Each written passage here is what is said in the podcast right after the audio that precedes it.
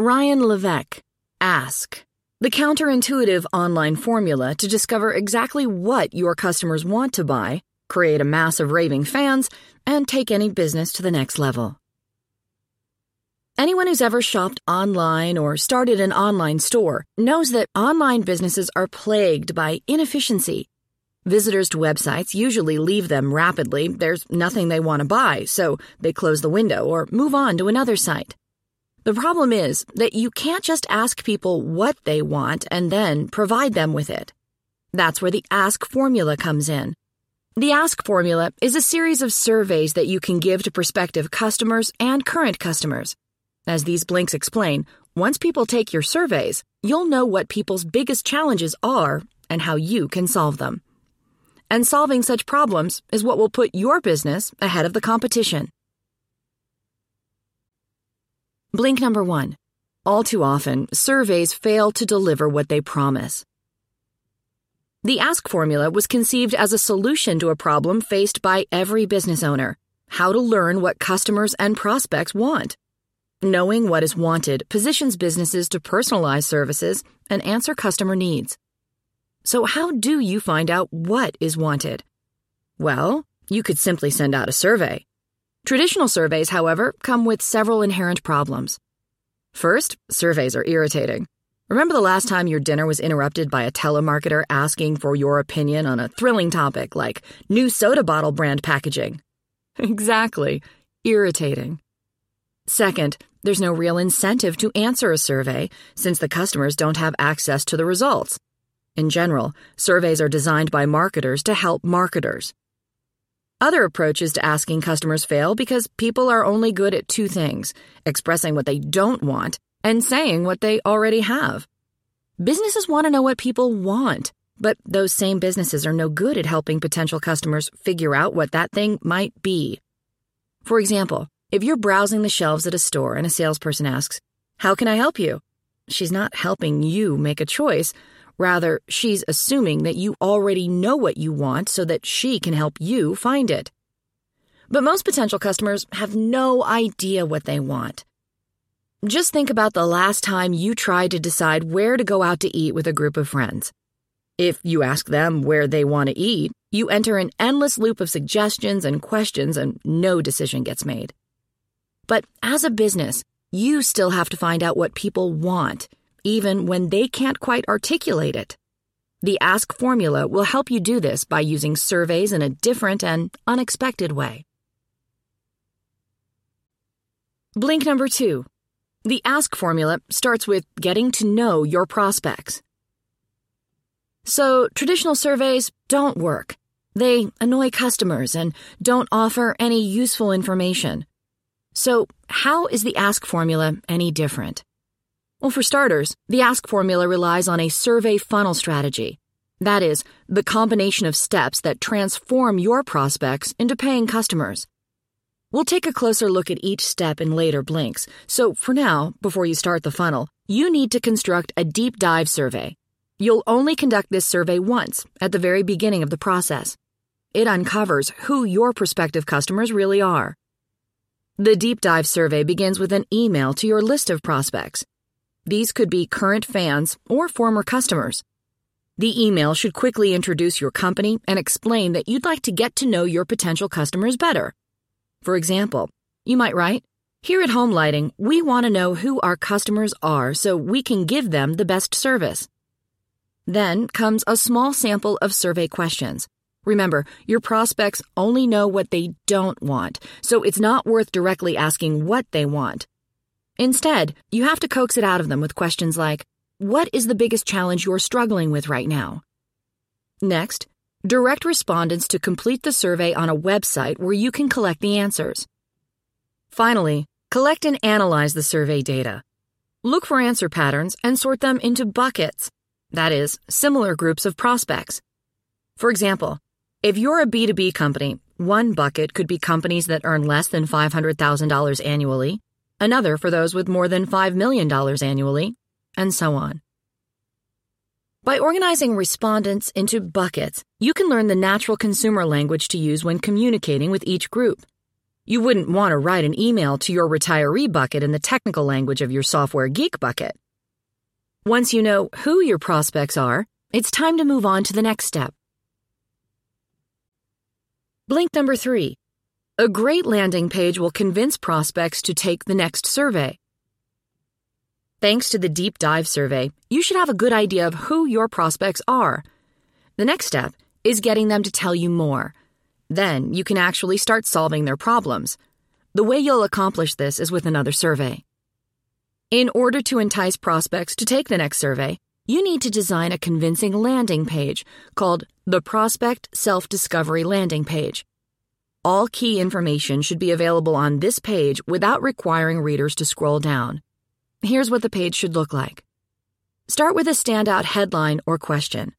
As an example, the author's Rocket Memory homepage asked, Is it possible to improve your memory in just three days using these techniques? Then, tell the prospects your goal and explain how the survey will help you achieve it. For example, you could say something like, We want to help you diagnose your problem by asking a few questions and then offer you a customized solution. Increase participation by adding a video to your landing page. An easy way to do this is with a talking head video in which you, or an actor, explains your company. Slides with voiceover also work. The key to the video's success is a good hook, a compelling idea that inspires curiosity and desire. To find it, ask your viewers about their struggle. Whether it's losing weight or improving their tennis serve, a good hook will grab their interest, enticing them to take the next survey. Not everyone is easily persuaded, however. Skeptics can be coaxed with if then statements like, if you work with diverse markets but aren't sure how to communicate with all of them, then. Finally, introduce the survey to your prospects by hinting at your expertise. Write something like, For 10 years now, I've asked my clients a series of questions that helped identify their biggest sales bottleneck. Once you've won over your prospects, they'll eagerly click the link and begin the next survey. Blink number four. Gradually win prospects' trust with the micro commitment bucket survey. So your prospects are hooked and ready to take your survey. Now it's time to deliver your micro commitment bucket survey. This survey starts with small, non threatening, multiple choice questions before moving on to more private questions such as name and email. It starts this way because people are reluctant to divulge personal information, and little questions chip away at that reluctance. It's important to phrase these questions in a highly conversational way, not a robotic one. For example, what's your favorite soda brand is a far better question than which market leading soda manufacturer do you most prefer? Your micro commitment bucket survey should start with easily answerable questions. How old are you, for instance? Use this data to personalize messages by, for instance, referring to your prospect's age in a follow up email. Finally, use segmentation questions to help characterize your prospects and funnel them into different buckets. Avoid the temptation to segment by demographic, age, location, etc. Then instead, try to ask questions that will segment prospects according to the specific challenges or problems they want to solve. For example, you might ask the multiple choice questions Which of the following is your biggest challenge right now? with the answers selling to multiple submarkets, making paid traffic convert, and entering a new market. Each answer gives you insight into your customer's specific problem. Now it's time to sort the data you've received. In the deep dive survey, you created buckets. Using the micro commitment bucket survey, you'll fill and refine these buckets. For example, if you're a car manufacturer, you could sort prospects first according to their marital status and then subsegment these buckets with the number of children in each family. This type of segmentation is invaluable for future promotions as it helps you introduce relevant products to your customers in a marketing language they understand. The very last thing you'll do is send your prospects to a capture page where they'll enter their name and email address. Blink number five. Now, get ready to make your pitch. After submitting their survey, prospects will land on your post survey page where they'll receive a diagnosis of their problem and a solution to it. This page will be nothing but a headline and a video offering personalized feedback to the concerns they shared in the survey. If you are a doctor, This would be where you would offer your patient a prognosis and walk them through the various treatment options. You wouldn't rush them into surgery or talk about costs. Your goal here is to demonstrate that you understand what they're going through and motivate them to ask you what they should do about it. That's when you make your sales pitch.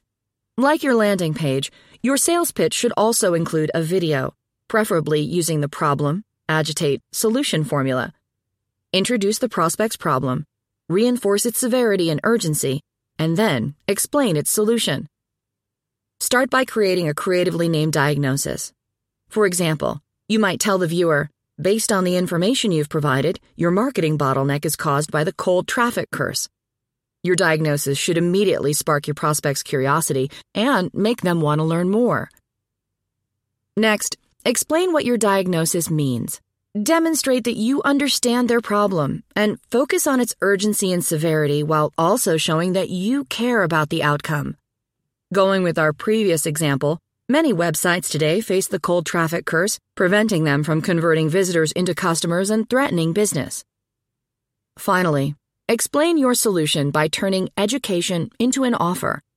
Your offer should include the benefit, that is, what's in it for your customers when they purchase, a description of the offer, the discount price or special deal available, and the primary reason why they need to act now, like deadlines or limited availability. Up to this point, the ASK formula has helped you identify customer problems so that you can solve their specific problems in our final blinks, you'll learn how you can make the most of these new conversions. Blink number six. After your first offer, the ASK formula helps you maximize profit. The ASK formula doesn't end with this first offer on the post survey page. Rather, it aims to drive sales well into the future. But how? Once you've generated a customer, the real benefit comes from the extended relationship you'll have with that customer as you sell to them over time. This is where the profit maximization upsell sequence comes into play. Think about your latest visit to McDonald's. They don't make billions in sales simply because people buy burgers. Rather, they ask, Do you want fries with that?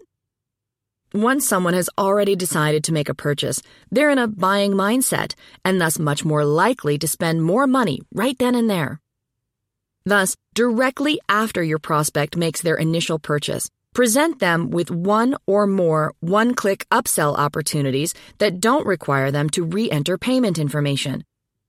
One option might simply be to sell more of what the customer just purchased, but at a discounted price. For instance, if you sell protein powder, you could offer three discounted tubs of powder with each new purchase. Another option is to sell a faster, easier result. If you sell a gym membership online, for example, you could target the people who expect fast results and propose a 30 day pass to a fat burn boot camp in addition to the membership.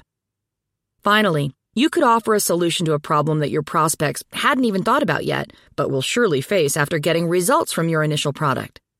To conceptualize this, Imagine that you sell a salary negotiation course, which helps people argue for higher wages. You now have the opportunity to help customers with the new good problem of having excess cash.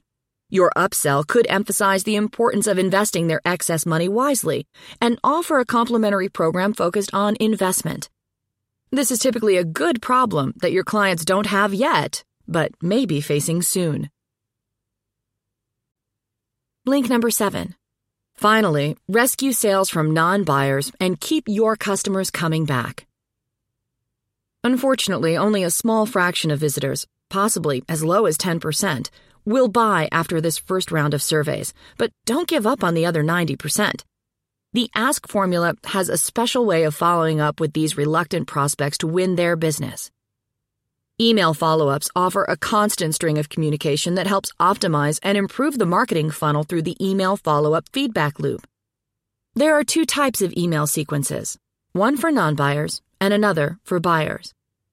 Let's start by focusing on following up with non buyers, those who didn't immediately buy the offer presented at the post survey sales prescription.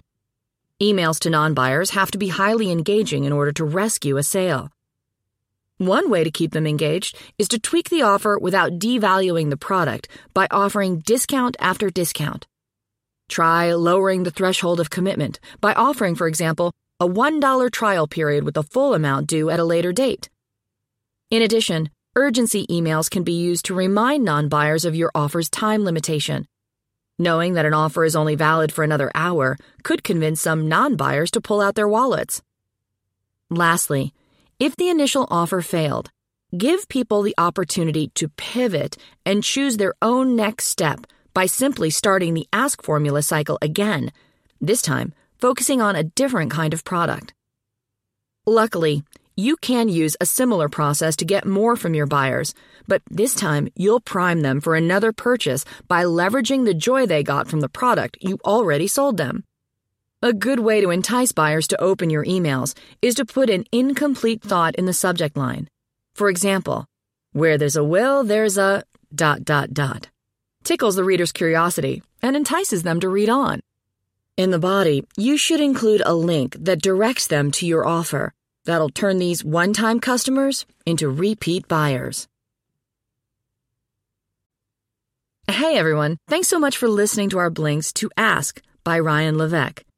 His key insight is this if you want to know what your customers really want, the best thing to do is ask. The trick is to ask in the right way using an organized system that pulls actionable information from prospects while also building trust and intrigue. In other words, you need the ask formula.